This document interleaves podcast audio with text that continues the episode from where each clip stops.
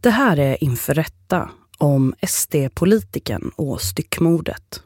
Vill du höra fler avsnitt, som till exempel fallet Jeanette, gängadvokaterna eller mordet på Malin, hittar du dem på Podmi. Jag står där med ett illegalt vapen i min lägenhet och en död människa. Mm. Det, det, det är verkligen inte bra. En nedgången fyrarummare i Nyköping. I badrummet fattas både handtag till duschens blandare och locket till vattenbehållaren bakom toaletten. I köket är kökslådorna trasiga och i vardagsrummet ligger sliten parkett. Det ligger verktyg och byggplast utspritt i rummen. I lägenheten bor en lokalpolitiker som är aktiv inom Sverigedemokraterna.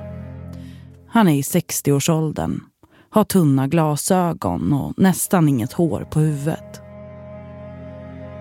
I handen håller han ett vapen som precis avfyrats. Och i fåtöljen i hans vardagsrum sitter en död man. Jag måste göra någonting åt det här så att jag, jag, vill, jag vill inte jag vill inte ta konsekvenserna av det här. Jag vill liksom att mitt liv fortsätter som vanligt som jag hade tänkt mig. Alternativet är naturligtvis att få någon form av straff och bli av med både jobbet och politiska verksamheten. Eh, så jag förstår ju att jag, jag, måste, jag måste göra mig av med kroppen.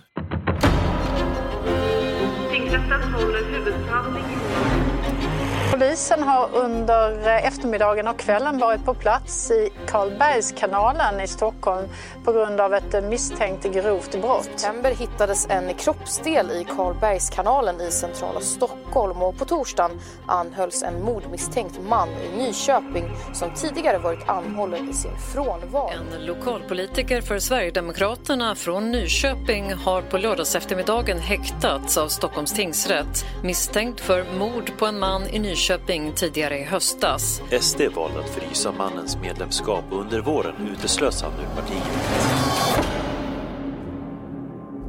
Du lyssnar på Inför rätta om SD-politiken och styckmordet. Det här är del 1. Parter och ombud kallas till sal 2.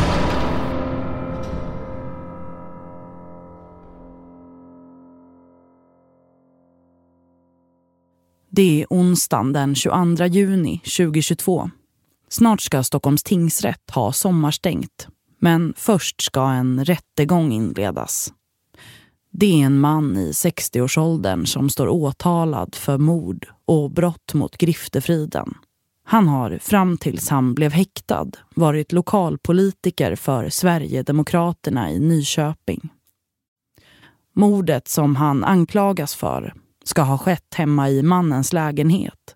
Men kroppen har sen hittats på olika platser runt om i Stockholm. Våning 3, sal 37. I den gamla säkerhetssalen börjar människor nu strömma in. I salen, förutom försvarare, målsägarbiträde och åklagare sitter media bänkade för att följa den uppmärksammade rättegången. Resten av åhörarna får ta plats bakom säkerhetsglaset. In kommer den tilltalade mannen. Han är klädd i svart kostym, vit skjorta och handfängsel som säkerhetsvakterna tar av innan han sätter sig på sin plats. Ja tack. Det är yrkesansvar enligt följande och då kommer jag ta upp samtliga punkter på en gång. Mord. Har berövat livet genom att skjuta den i huvudet. Till detta yrkande så finns det ett eh, yrkande i andra. Och det finns en grej som gör hela den här historien obehagligare än vad den redan är. Det är nämligen så att mannen som står åtalad och mannen som blivit mördad känner varann sen innan.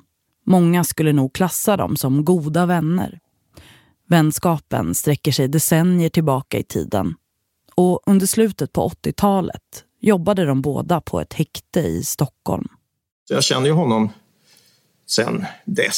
Sen började väl inte vi umgås från, jag gissar, mitten på 90-talet.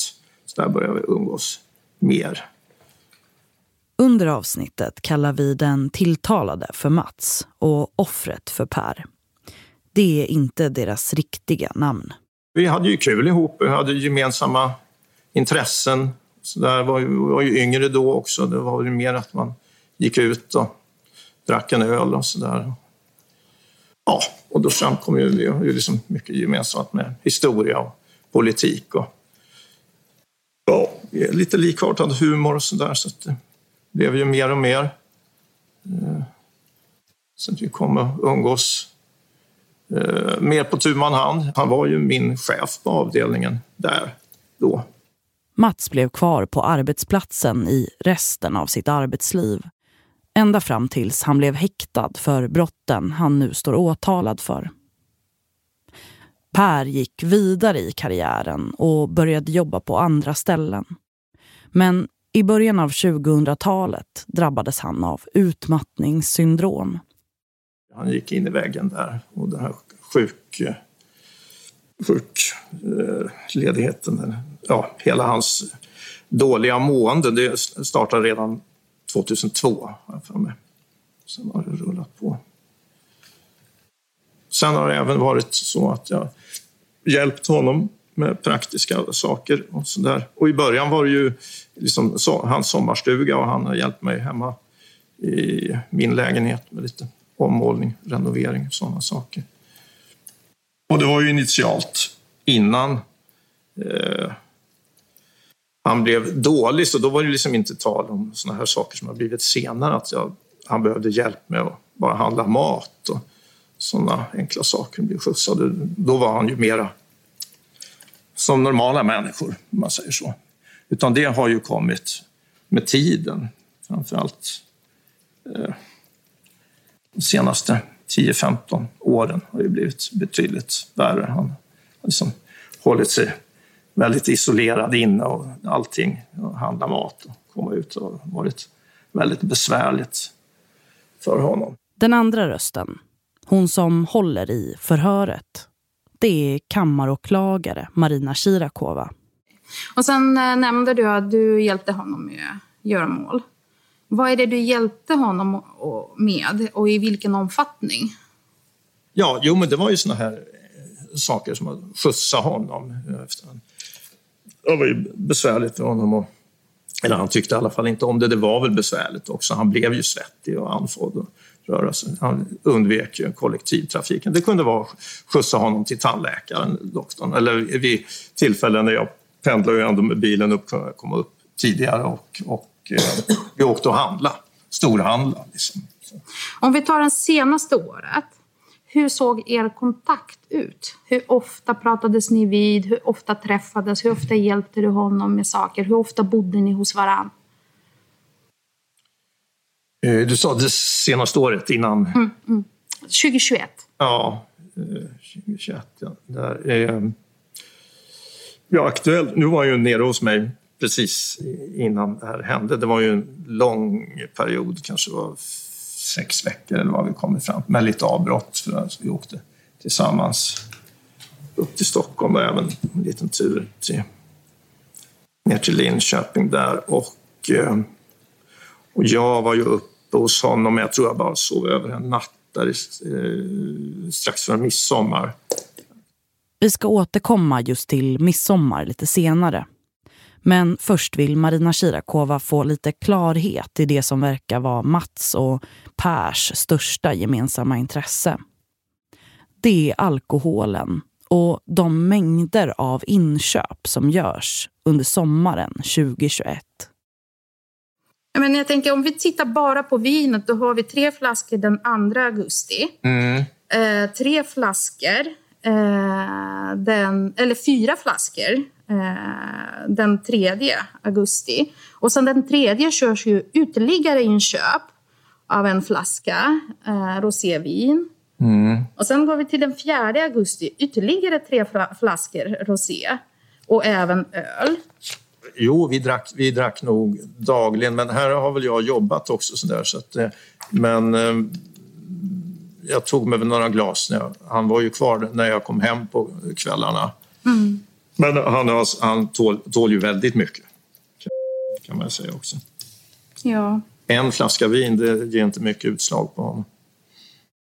Under sommaren 2021 har Mats och Per tillbringat tid tillsammans både hemma hos Per i Stockholm men också i Nyköping där Mats bor.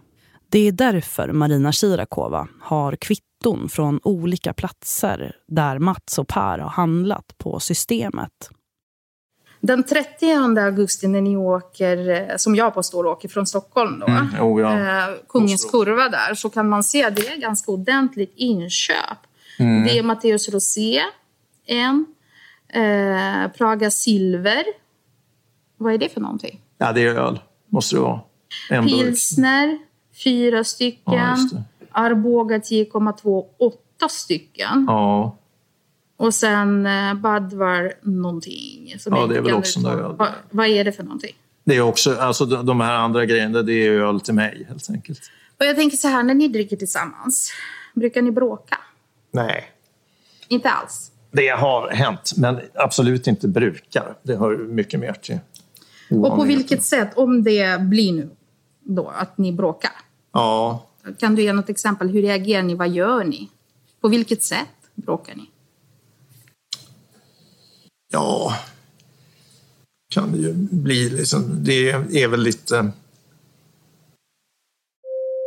blir inte så, han kan bli envis men han blir liksom inte så högljudd och, och, och viftande så han kan bli envis. Jag kan väl bli lite mer kanske eh, hetlevrad och sådär. Och, och hur yttrar det sig när du blir hetlevrad? Jag blir högljudd. Högljudd? Ja, och kanske slår. Så lite fysisk? också. Lite fysiskt också. Ja, fast inte fysiskt samma slåss. Men alltså jag blir lite yvig om man säger så. Hur var det under midsommar då? Vad var ni? Var ni tillsammans under midsommar? Ja, det vill säga jag, hade ju, jag kom hem redan på midsommarafton. För det är väl den 25 juni, eller hur? Mm. För det, det, blev lite... Jag kommer inte ihåg. För det är den 24 juni där som sitter och dricker. Jag kommer ärligt talat inte ihåg om jag åkte upp till redan den 23 eller om jag kom där den 24. Mm. Eh, jag minns inte. För själva syftet med det där, grundtanken var egentligen inte att vi skulle fira midsommar tillsammans. Utan jag skulle hjälpa honom att sätta upp de här solskydden i fönstren. Och därför hyrde vi en byggställning för inomhusbruk. För att eh, få det här gjort. Han, hatar, han satt ju där med solen gassade innan. Han hatar ju värme. Men, eh, och så var vi ju och handlade också inför midsommar. Och så, blev det så, vilket jag tyckte var en ganska dum idé, att när vi bara hade satt upp ställningen där så, så tyckte vi nu sätter vi oss och tar, nu tar vi lugnt, tar några några glas istället. Och jag blev lite irriterad på det, för jag vet ju hur, hur lätt det blir. Att kunde vi inte jobba först kunde vi dricka sen, så att säga. Mm. Men så blev det ju inte. Och det blev ju som jag tänkte också, att det blir ju inget jobbat här nu. kan ju inte hålla på med det här. Så jag var väl ganska, det var väl liksom grunden till min irritation. Hur mycket ja. har ni druckit?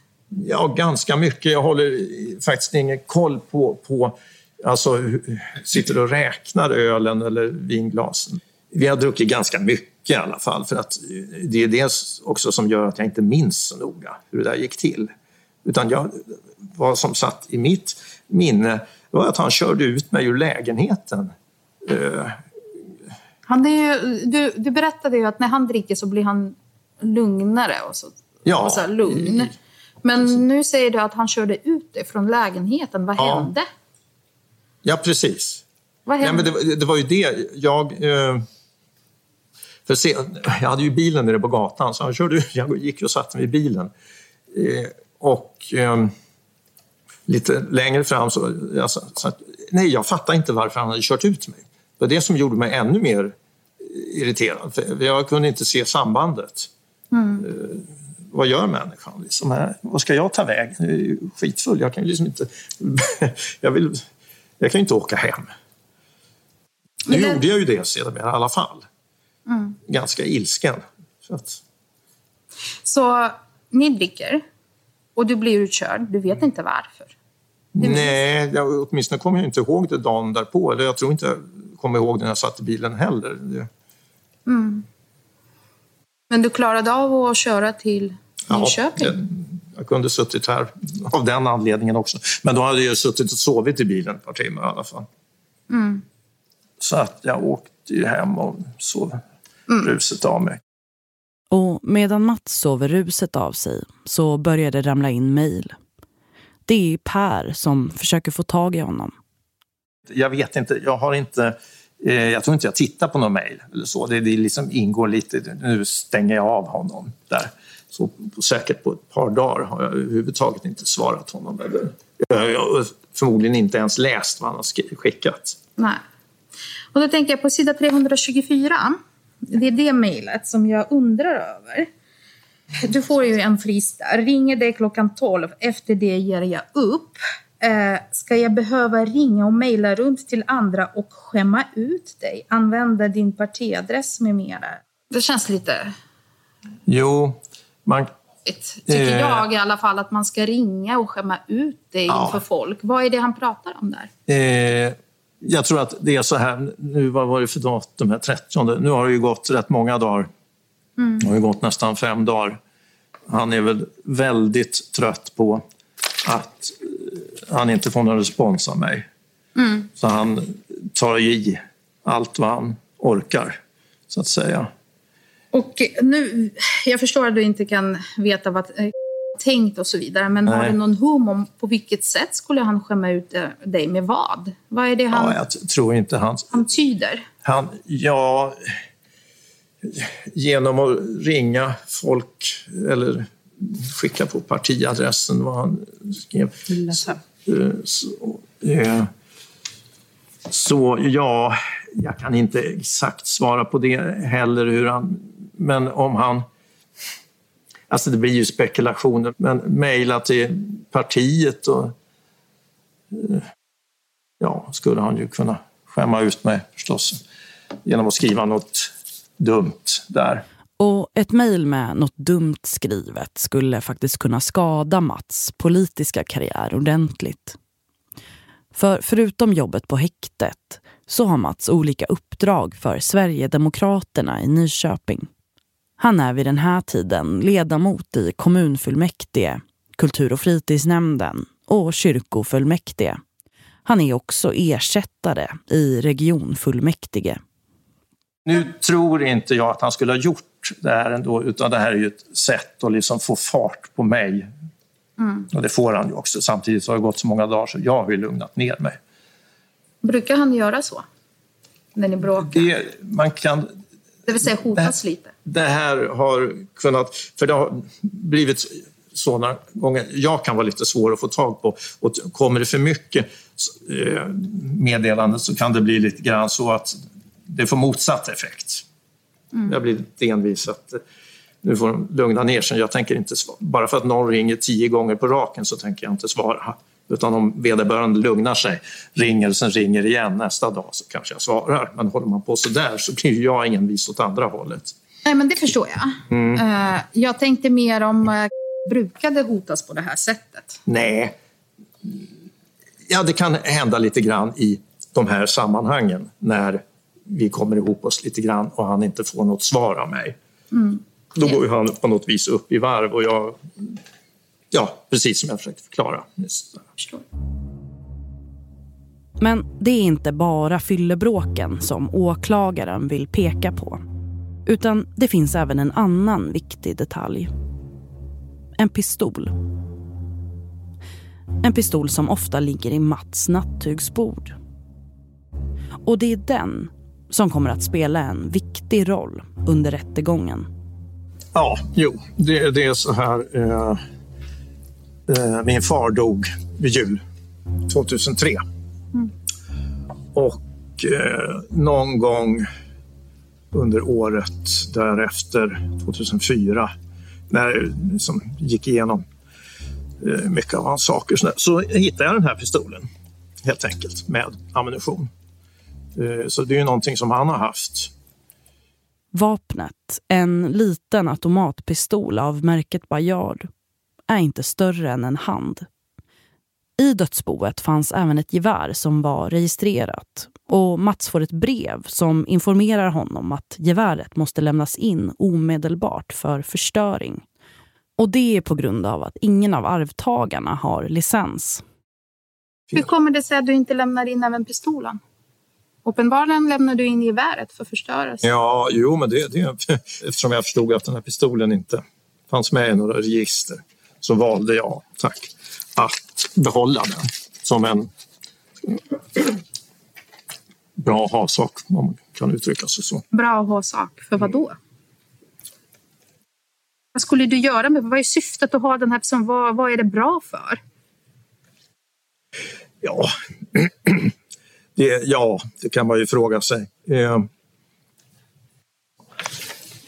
man kan väl säga att det, det är bättre att ha än att inte ha. Inte vet jag vad, vad som kommer att hända. I, ja, det kan ju vara...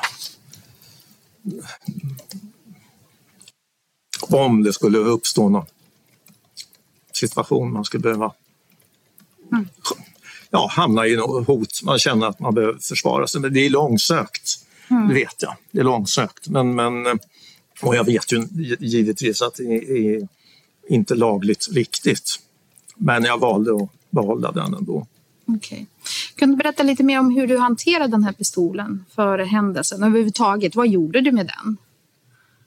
Alltså det är, jag har inte gjort någonting med den. Alltså när jag hittade den någon gång under det året så blev jag ju naturligtvis intresserad av att se om den fungerar. Jag har ju blind avfyrat den och sånt men jag var även ute i skogen vid skjutbanan i Oxelösund och provsköt den ja, för att se om den funkar och det gjorde den ju. Och när du är där på skjutbanan sa du, mm. vad är det för skjutbana i skogen? Ja, det ligger ju... För, eh, Oxelösund ligger ju väldigt nära Nyköping. Jag har ju bott i Oxelösund när jag var liten. Jag kommer inte, vet inte riktigt var Nyköpings skjutbana är. Jag tyckte det var lämpligt naturligtvis att åka ut till en skjutbana för att prova den här. Men jag var ute i skogen vid sidan om. Men, ja.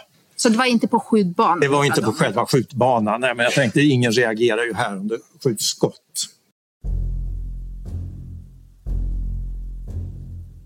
Det är i slutet av sommaren 2021. Mats och Per har tillbringat stora delar av sommaren tillsammans. Planen har varit att de ska renovera Mats lägenhet i Nyköping. En stor fyrarummare han ärvt från sina föräldrar. Men det har inte gått precis som planerat. Och istället för renovering har det blivit ganska mycket drickande.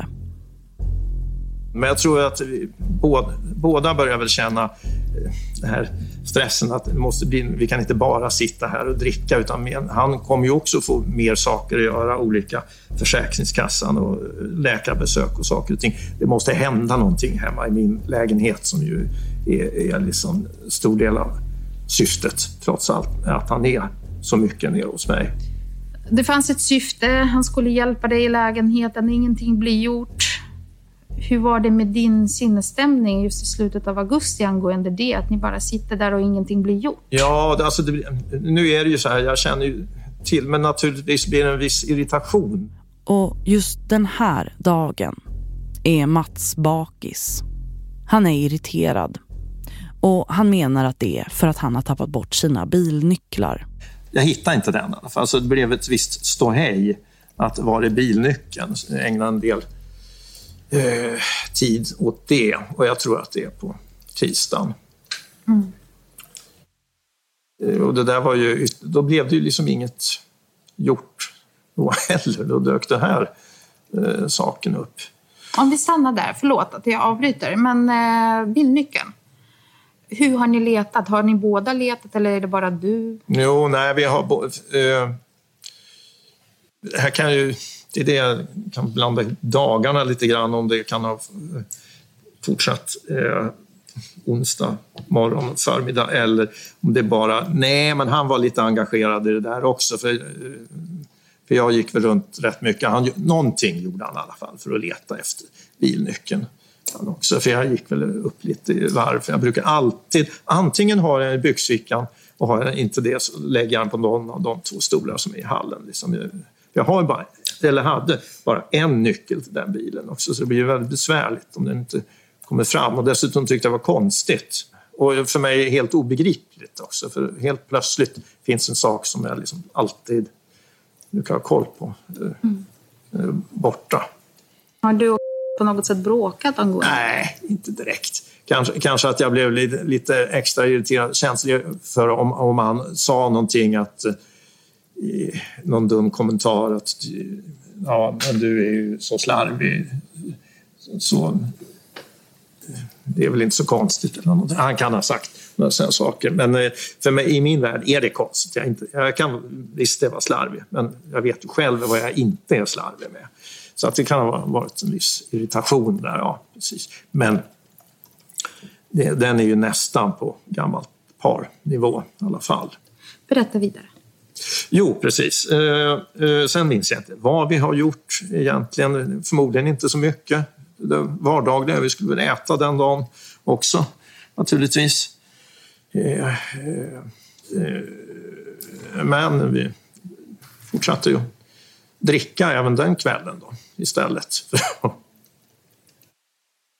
Eh, så det blev väl en hel del.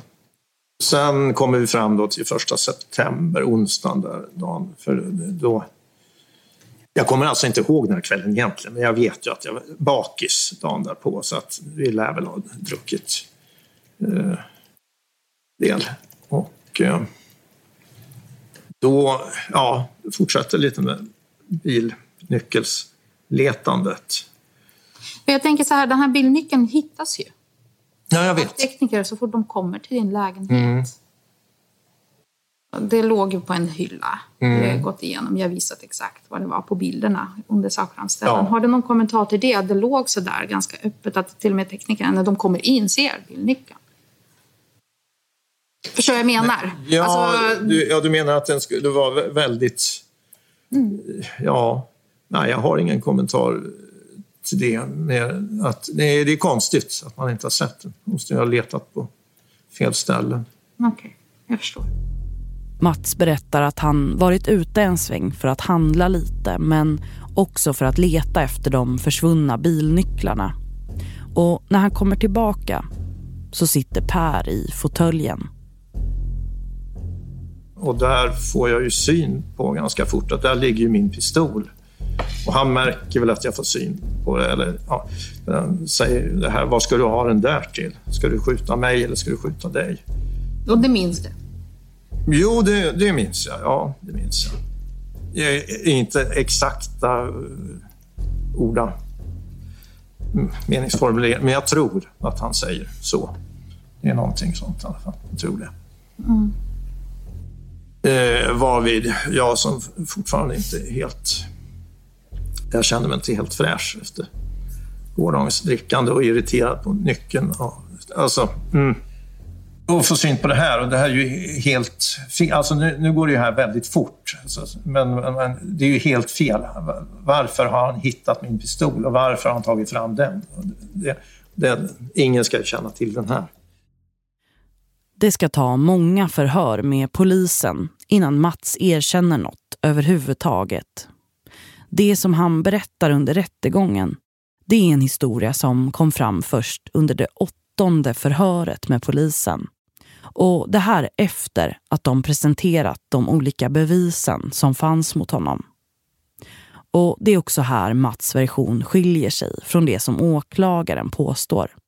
Men det återkommer vi till senare. Det här är ju ett illegalt vapen som jag aldrig har berättat för någon människa om. Eh, och helt plötsligt ligger det där. Dessutom har jag förvarat det i nattduksbordet inne i sovrummet. Där det, det är liksom inte meningen att folk ska springa där in och definitivt inte att de ska rota i nattduksbordet. Han måste ju... Ja, han, han har ju liksom varit inne där. Uppenbarligen. Eh, och du blir ilsken? Ja. Eh, för att det är ett illegalt vapen? Ja, som jag håller hemligt. Ja. Det är liksom inte meningen att han heller ska veta om det. Ja. Vad kan hända? Ja, vad kan, om vi säger så här. Om jag hade varit i en annan sinnesstämning, om jag hade varit, eh, det bara hade hänt roliga saker, jag var på gott humör, inga nycklar borta eller någonting, eh, så skulle jag säkert ha ilsknat till då också. Men då kanske jag... Alltså det här blir ju hypotetiskt, det är ju svårt att men hade allting varit frid och fröjd, på jättegott humör, kommer in och ser att han har hittat och tagit fram min pistol, då skulle jag blivit arg. Men jag kanske bara skulle satt mig i soffan och skällt. Mm. Men, men alltså, jag kan ju inte... Nu vill jag ställa en hypotetisk fråga. Du får välja om du vill svara eller inte. Mm. Om det blir känt att du äger eller har ett illegalt vapen, mm. vad skulle ha hänt med ditt arbete, dina politiska uppdrag? Ja, det är klart att jag blir av med det. Ja, det vet jag ju. Mm. Utan att behöva... Det är ingen tanke som slår mig då, utan det vet jag ju sedan tidigare. Mm, jag förstår. Du säger att han sitter i fåtöljen, ja. vänd mot tv. Ja, ja. Där. Alltså, ja. Jag är ju bakom honom. Du är bakom. Mm jag kan, jag kan omöjligtvis eh, precisera det i decimeter hit eller dit. Jag är ju dessutom i rörelse, jag stannar ju inte. Mm. Eh, det gör jag efter att skottet har gått av. Men alltså, jag är, rör mig, jag befinner mig bakom honom. Hur håller du pistolen? Jag, eh, jag håller den så här med fingret på avtryckaren. Men det är inte heller någonting som... Eh, ja, hur ska man förklara? Jag förstår att jag gör det. det hade, hade det inte hänt någonting och du frågar mig så skulle jag inte kunna svara på det. Eh, för det är liksom... Vad är ditt minne? Hur håller du det? Jag håller i det som man håller en pistol, eller som man inte ska hålla en pistol Eh, när man flyttar ut den. Jag håller den som man ska, mm. som man ska skjuta med den. Jag tror att det heter varbygeln, alltså ja. på pistolerna. Det är någon skydd inför avtryckaren. Mm. Var har du eh, ditt finger? Nej, jag måste ha fingret innan. Alltså jag kommer inte ihåg det. Jag måste ha haft fingret innanför. Mm. Eh. Okay. Men varför, det är ingenting som... Eh, varför håller du det på det sättet i så fall? När du plockar upp pistolen, ja. som jag förstår det, för att gå bort med den. Mm. Mm. Och varför har du då i så fall fingret på avtryckaren? För att det blir ett rätt naturligt sätt att ta pistolen. Okej. Okay.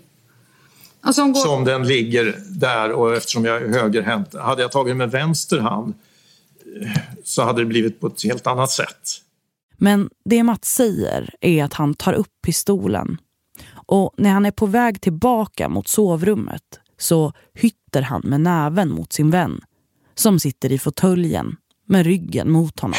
Jag skulle ju kunna ha slagit näven i bordet eller dunkat den. Jag gör det ju. Det är, den träffar inte och det är inte heller meningen att jag ska slå honom utan det är bara min mm, ilska är ju lite riktad gentemot honom just nu. Ja, jag förstår. Och då tänker jag att precis när du, innan du gör det, tänker du någonting speciellt? Det kan jag inte säga. Mm. Det här rör sig om sekunder. Jag tänker väl förbannat också. Eller... Mm. Jag kan inte svara på vad jag tänker på. Då vill jag gärna med rättens tillstånd och läsa upp det. Mm. På sida 614. Eh, det är ett förhör där du har valt att, att berätta för första gången. Kommer du ihåg vad du berättade? Jag kan, om det, kan när sagt, det går förbi då, vad är det du tänker? Förbannade människa eller något sånt där kan det vara. Något sånt. Och då är jag på sida 614. Du får kommentera det. Det här är utskrivet förhör ja, ja. för ord det du har sagt. Mm. Uh, och då är jag i tre, det här stora stycket underifrån. Då står det så här. Uh, han sitter liksom med, kanske den förtöljen som en fotbollsnarre så han har ju huvudet helt och hållet mot väggen. Så jag tar den där, går förbi honom. Samtidigt tänkte, äh, tänker jag, dumma jävel, mm. tänkte. Men jag måttar slag mot huvudet på honom. Mm. Det är ungefär som man blir helt förbannad och bara slår näven i bordet. Mm. Jo, eh, jag säger inte emot det där också. Jag kan, kan ha tänkt så. Det är, mm. Om vi säger så här, jag minns inte vad jag tänkt ordagrant, men, men liksom, det är naturligtvis andemeningen är densamma. Jag blir ju arg på att han har varit in och rotat i mitt sovrum och hittat den här. Så att, absolut. Ville du skada honom på något sätt? Nej, det vill jag inte. Nej. Det vill jag inte. Nej. Och jag tänker, du rätt att du inte minns att du tryckte på avtryckaren? Nej, ja, nej, jag minns inte det. Mm. Och vad händer så att säga, i ditt huvud när du går förbi och har pistolen i handen? Kommer du ihåg vad du har sagt i förhören? Nej. Mm. Ska vi se. Det jag har antecknat eh, i alla fall det här att det blixtrar till i huvudet ja, ja. på någon. Är det någonting du känner igen från förhören? Jo, det kan mycket väl. Mycket väl. Eh, stämma. Det är ju bara olika sätt att uttrycka sig. Här, dumma jävel eller att det blixtrar till i huvudet. Alltså jag är... Eh, jag är ilsken. Fast det, är liksom en sån här sekundilska som när det rinner över lite. Eh, ja, jag har försökt förklara det jämföra det flera gånger annars, som om man är arg och det liksom eh, rinner till, som man slår näven i bordet. Nu får det vara nog. Men det är ju just den rörelsen, just den ilskan, det är ju någonting som går över på några sekunder sen. Sen kan ju liksom sinnesstämningen fortfarande vara dålig. Men det är ju liksom, om vi kallar det för att blixtra till. Då. Men det är ju inte så att det är någon kortslutning i huvudet. Utan det, är, det är ju... Någonstans vill man få lite kanske utlopp med någon ilska. Klappa till någonting. Sån är jag i alla fall. Mm. Så Mats beskriver sin ilska på många olika sätt. Som om det blixtrar till. Att man vill smälla näven i bordet eller hytta med näven. Och det är just den här rörelsen, att han hytter med näven när han går precis bakom Per. Som han påstår är förklaringen till det som händer härnäst. Då går skottet av. Mm. Då smäller det. Okej. Okay. Och hur reagerar du på det? Ja, då... Ja, ja. Jag vet inte vad jag ska... När du står där och det gått av? Ja. Liten chock. Det kom, om jag, chocken kom nog lite senare, det, det som är... Men alltså, jag blev ju extremt, man kan kalla det här förvånad. Om man säger så. Allting var ju... Jag blev ju stående där, för nu, rätten får ursäkta att jag svär, men jag blev ju stående där. Eh, allting var ju helt fel. Jag blev stående och liksom, jag vet inte om jag pratar för mig själv eller om det gick runt i huvudet. Här, men vad i helvete liksom helt enkelt. Vad fan, hur fan gick det där till? Mm. Vad är det som händer? Hur fan kunde det bli på det här viset? Vad, vad är det som har hänt? Liksom? Mm. Det, ja, mm. och hur länge står du där och tänker det här? Jättesvårt att säga i det där läget, men eh, för det där gick ju... Det är svårt att säga. Högst en minut, kanske 15 sekunder, kanske 30 sekunder. Jag blev stående ett tag, men tiden kan ju kännas mycket längre. Mm. Men jag stod liksom inte där i... Ja, svårt att tänka mig mer än en minut. Vi ska återkomma till just vapnet i nästa avsnitt. Men något som är värt att nämna nu är kraften som behövs för att avfyra ett vapen. När den här pistolen senare testas så visar det sig att det behövs en avsevärd kraft för att kunna avfyra det. Man har även gjort tester genom att släppa vapnet i golvet för att se om det finns en risk att det avfyras av misstag. Men det har det inte gjort. Och det talar emot Mats egna uppgifter om att skottet skulle avlossats av misstag. Tillbaka till lägenheten i Nyköping. Jag står där med ett illegalt vapen i min lägenhet och en död människa. Mm. Det, det, det är verkligen inte bra. Det börjar gå upp för Mats vad som kommer hända om någon får reda på vad han precis gjort. Han förstår att arbetsplatsen han varit på i 35 år och alla hans politiska uppdrag för Sverigedemokraterna kommer försvinna om något av det här kommer fram. Jag måste göra någonting åt det här så att jag, jag, vill, jag, vill, inte, jag vill inte ta konsekvenserna av det här. Jag vill liksom att mitt liv fortsätter som vanligt som jag hade tänkt mig. Eh, så jag förstår ju att jag, jag, måste, jag måste göra mig av med kroppen helt enkelt. Jag måste ju det, annars kommer jag ju att få eh, eller alternativet är naturligtvis att få någon form av straff och bli av med både jobbet och politiska verksamheten. Mm. Och de här, den här tank, konsekvenstänkandet som du berättar om, dels alltså när det har hänt lite senare då och även på torsdagen där du tänker att jag måste bli av med kroppen för att helt enkelt komma undan inte få mm. straff och inte och så vidare. De här tankarna som du har kring det, har du dem hela tiden eller kommer du på det då och då? Alltså under hur lång tid har du tänkt så här innan du har bestämt dig för att göra det vi kommer till sen? Ja, de här tankarna går ju...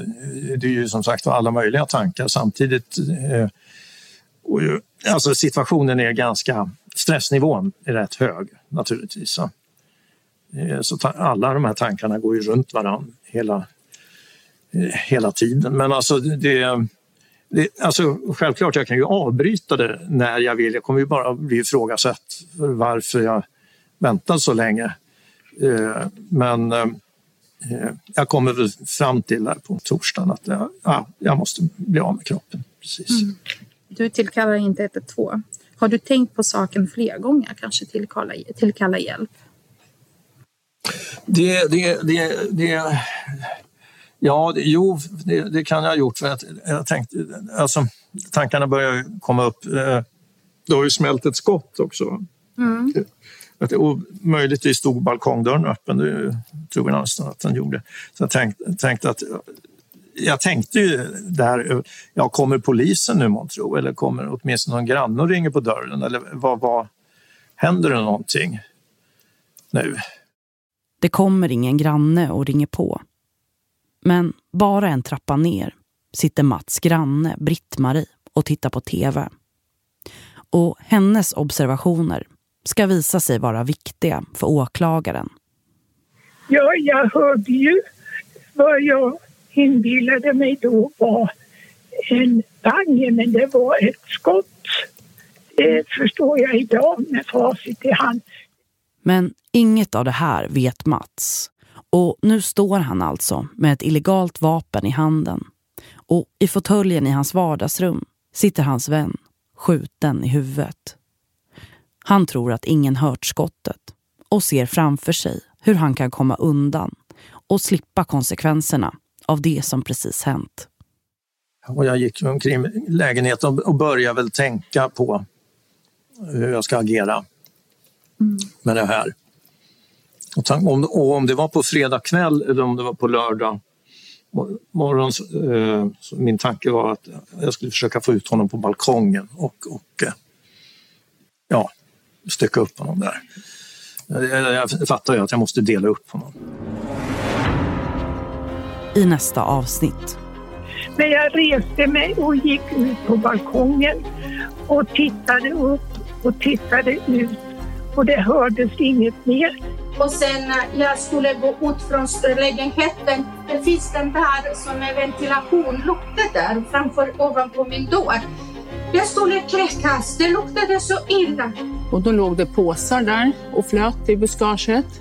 Så öppnade jag upp påsen lite grann för att se, för det var lite tyngd i påsen. Och då kom en stank, så min kapten höll på, fan vad det stinker, sa han. Och då öppnade jag, ja men det ser ut som hår, sa jag.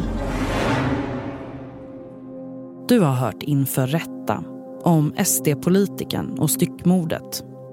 Det här var den första delen av två Producent och reporter var jag, Matilda Blom. Redaktör var Timmy Strandberg som även stod för ljudprofil och slutmix. Exekutiv producent var Joni Söderström Winter. Bistod gjorde även Moa Soltanien Magnusson. Flera namn har ändrats av hänsyn till offret, de anhöriga och övriga inblandades anonymitet.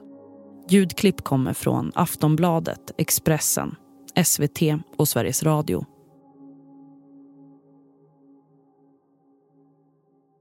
Du har hört Inför rätta om SD-politikern och styckmordet. Du kan höra alla avsnitt av första säsongen av Inför rätta på Podmi.